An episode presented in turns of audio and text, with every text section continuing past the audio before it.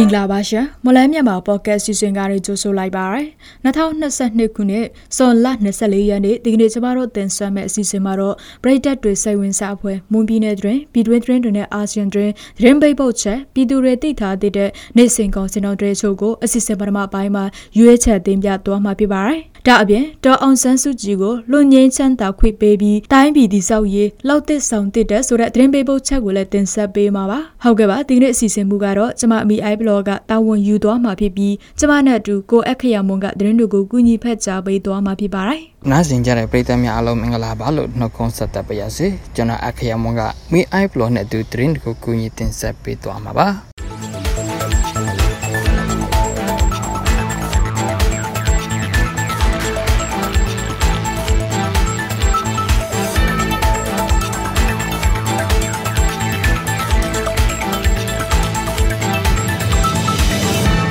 မော်လမြိုင်မြို့တန်လွေဥယျာဉ်အနီးမှာ WHO ဝန်ထမ်းဖြစ်သူကိုမျိုးမင်းထုတ်ကိုတနက်နဲ့ပြစ်ခတ်ခဲ့သူတွေကိုဖမ်းဆီးရမိခဲ့တယ်လို့သိရပါတယ်။ကိုမျိုးမင်းထုတ်နဲ့လူမှုရေးအရာပတ်သက်နေတဲ့အမျိုးသမီးဖြစ်သူမယူယူမွန်ကိုစတင်စစ်ဆေးခဲ့ရာ၎င်းကလောက်ကျန်ဖို့စေခိုင်းခဲ့ကြောင်းသိရှိခဲ့ပြီးဆက်ဆက်ဆောင်ဆန်းခဲ့ခြင်းဖြစ်ကြောင်းလုံခြုံရေးတပ်ဖွဲ့ဝင်တွေနဲ့နှိစက်သူတို့ကပြောပါတယ်။ ကိုမျိုးမင်းထုတ်ကိုတနက်နဲ့ပြစ်တက်ခဲ့သူမှာပိုပိုအောင်ဆိုသူဖြစ်ပြီးပူပေါင်းပါဝင်သူတွေကနန်းသွဲတာဦးအီအီဖြူမျိုးအီအီထွန်ကျော်လင်းအောင်ခချစ်ကိုနေတော်နဲ့နှွဲ့နှွဲ့ဝင်းတို့ဖြစ်ပြီးစုစုပေါင်း၈ဦးကိုဖမ်းဆီးရမိခဲ့ကြောင်းသိရပါတယ်၎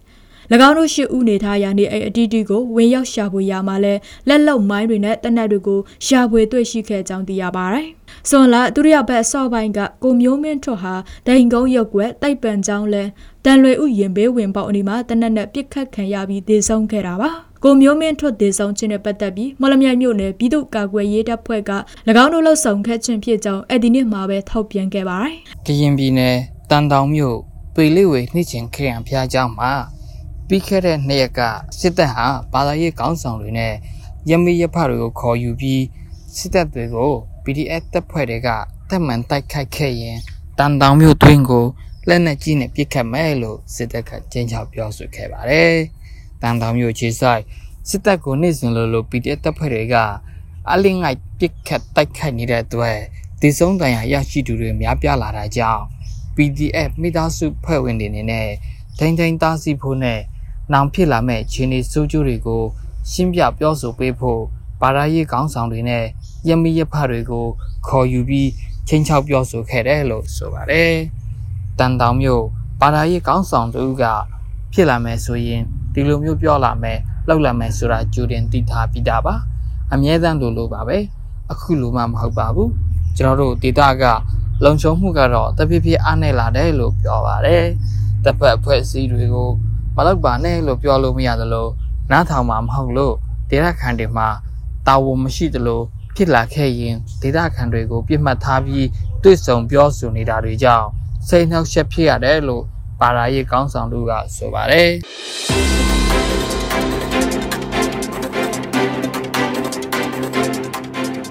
မတို့ရဲ့မလန်းမြန်မာဖောက်ကမြန်မာဘာသာစီစဉ်ကိုအားပေးနားဆင်ကြတဲ့ပရိသတ်များရှင်ကျမတို့အတန်လို့စီစဉ်ကနေပြီးတော့မွန်ပြည်နယ်မှာဖြစ်ပျက်နေတဲ့သတင်းများပြည်တွင်းငင်းချဲရေးဖြစ်စဉ်များပြင်မြန်မာနိုင်ငံတွင်းနဲ့အာဆီယံတွင်းများကိုအပတ်စဉ်တင်လာနေမှတောကြနေများတွင်ည9:00နာရီအချိန်တွင် Mon New Agency Facebook စာမျက်နှာတွင်ဝင်ရောက်နားဆင်နိုင်လို့မလဲမြန်မာဖောက်ကစာမျက်နှာတွင်လည်းဝင်ရောက်နားဆင်နိုင်ပါပြီအားပေးကြတဲ့ပရိသတ်များအားလုံးကိုကျေးဇူးတင်ပါတယ်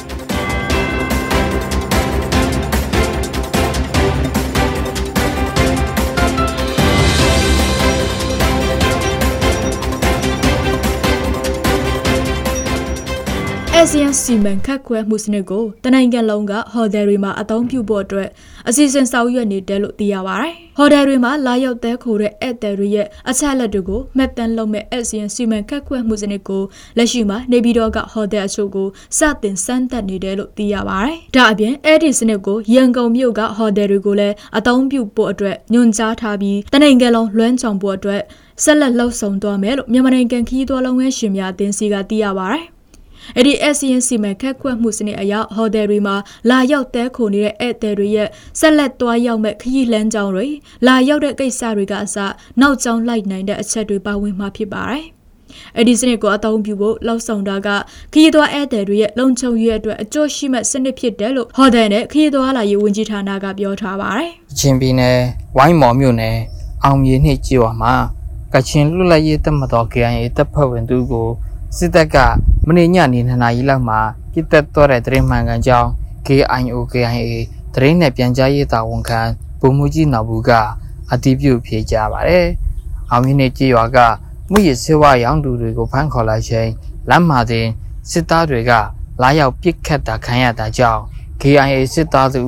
တေဆုံးသွားရတာဖြစ်တယ်လို့ဗိုလ်မှူးကြီးနော်ဘူးကပြောပါတယ်။မှုရစေဝါရောင်တဲ့သူတွေကိုစုံစမ်းပြီး မှုရစေဝါနဲ့သူဖမ်းခေါ်လာနိုင်ခဲ့တဲ့အချိန်လမ်းမှာစစ်စစ်မေးမြန်းနေချိန်မှာစစ်သားတွေလာပြစ်လို့တယောက်ဆုံးသွားပြီးကျန်တဲ့သူအလုံးထွက်ပြေးလွတ်မြောက်လာတယ်လို့ဆိုရတယ်။ရွာအတွင်းမှုရစစ်ဝါရောင်းသူများပြားလာတဲ့မက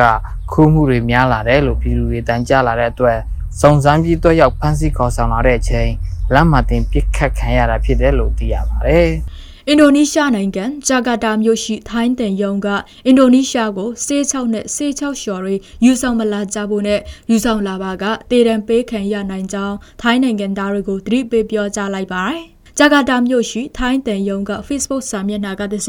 သတိပေးချက်ထုတ်ပြန်ရမှာထိုင်းနိုင်ငံသားတွေအနေနဲ့ဆေး6ဆေး6ရှော်နဲ့ဆေး6ဆက်ဆက်တဲ့ထုတ်ကောင်တွေကိုအင်ဒိုနီးရှားကိုမတည်ဆောင်လာကြဖို့ရေးသားဖော်ပြထားပါတယ်။ အင်ဒိုနီးရှားဥပဒေအရအဲ့ဒီပစ္စည်းတွေကိုနိုင်ငံအတွင်းကိုတင်သွင်းလာသူတွေအနေနဲ့ပြင်းထန်တဲ့အပြစ်ဒဏ်တွေနဲ့ရင်ဆိုင်ကြရမှာဖြစ်ပါတယ်။ ကျူးလွန်သူတွေအနေနဲ့တန်ငွေဘတ်2.4တန်ထောင်ကနှစ်တာမှမဟုတ်ဒေရန်ချမှတ်ခံရနိုင်ပါတယ်။အင်ဒိုနီးရှားကိုလာရောက်ကြမဲ့ထိုင်းနိုင်ငံသားတွေအနေနဲ့အခြားလူတွေထပ်ပေးလိုက်တဲ့ပစ္စည်းတွေကိုမသက်ဆောင်လာကြဖို့နဲ့ဆဲချောက်မှုန်ခိုကူးလို့သူတွေကထိုင်းခရီးသွားတွေကိုအသုံးချလာနိုင်ကြောင်းလဲတန်ယုံကသတိပေးထားပါတယ်။အဲ့ဒီဥပဒေအသစ်ကြောင့်ထိုင်းနိုင်ငံမှာဆဲချောက်နဲ့ဆက်ဆက်ပစ္စည်းတွေကိုစတိုးဆိုင်တွေမှာပင်တင်ရောက်နေပြီဖြစ်ကလူအများစုအာရုံစိုက်ခံနေရပါတယ်။ထိုင်းနိုင်ငံသားတွေနဲ့မလေးရှားနိုင်ငံသားတွေစေးချောက်ကိုနယ်ဆက်ဖြတ်ကျော်မတည်ဆောင်လာကြဖို့ကိုလည်းထိုင်းအစိုးရကသတိပေးချက်ထုတ်ပြန်ထားပါတယ်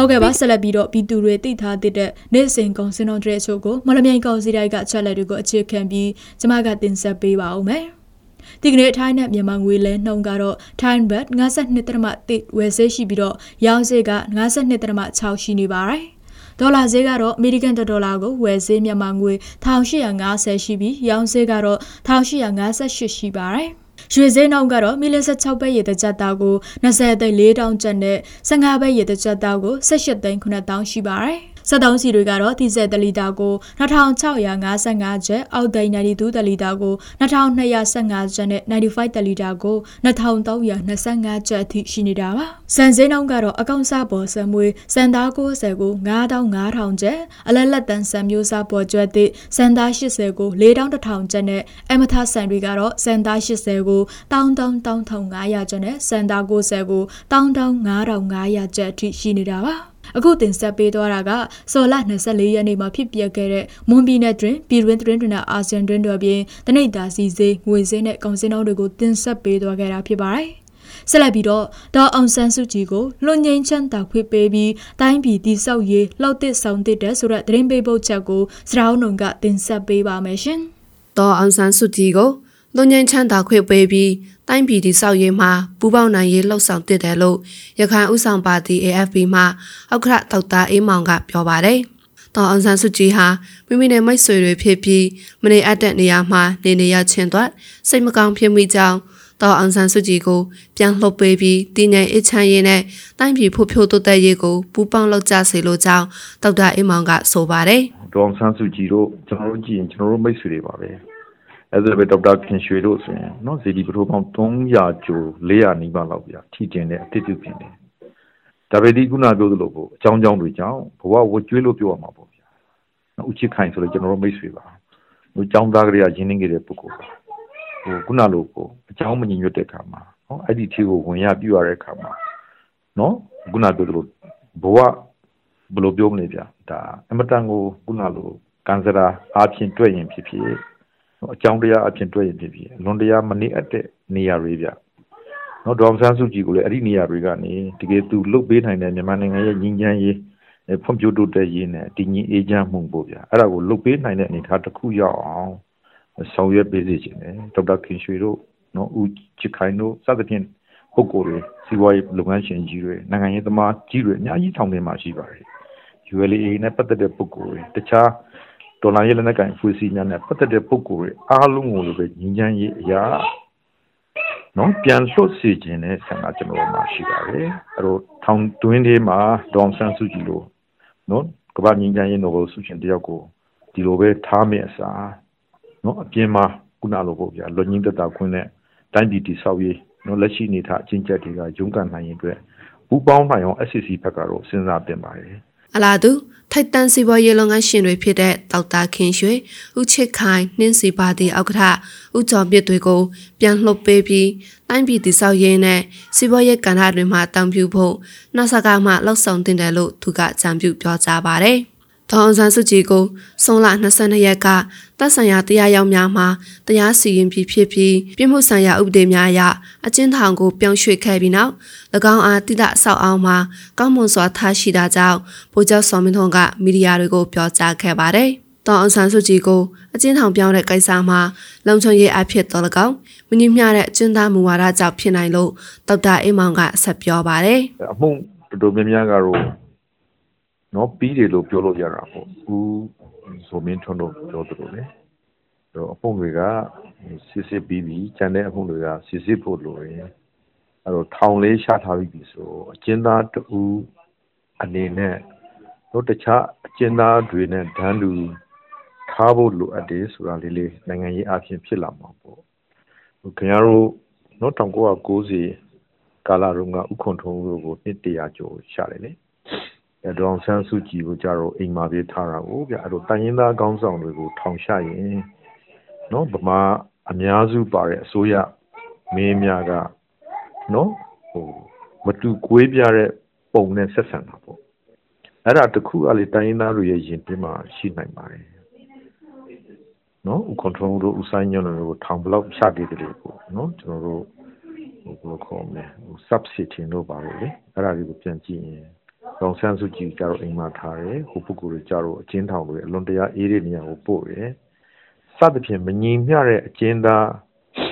တွေနဲ့ပတ်သက်တဲ့မူကိုမြန်မာအစိုးရဆက်ဆက်ကထားခဲ့တာပေါ့လက်ရှိမှာဒေါ်အောင်ဆန်းစုကြည်ကိုနှဆကမှပေါမ6ခုနဲ့ထောင်7နှစ်ချမှတ်ထားပြီးဖြစ်ကဆွတ်ချက်တင်ခံထားရတဲ့အမှုတွေတော့တရားရင်ဆိုင်နေရဆဲဖြစ်ပါတယ်။ အဒီနောက်တော့အန်ဆန်စုကြည်ကိုစောဆိုထားသောအမှုတွေထဲမှာနိုင်ငံတော်ရွှေဝက်အနဲ့ပတ်သက်ပြီးစောဆိုခံထားရတဲ့အမှုတွေကိုတော့နေပြည်တော်အကျဉ်းထောင်ရှိထူတရားရောက်မှဒီနေ့စစ်ဆေးနေပါတယ်။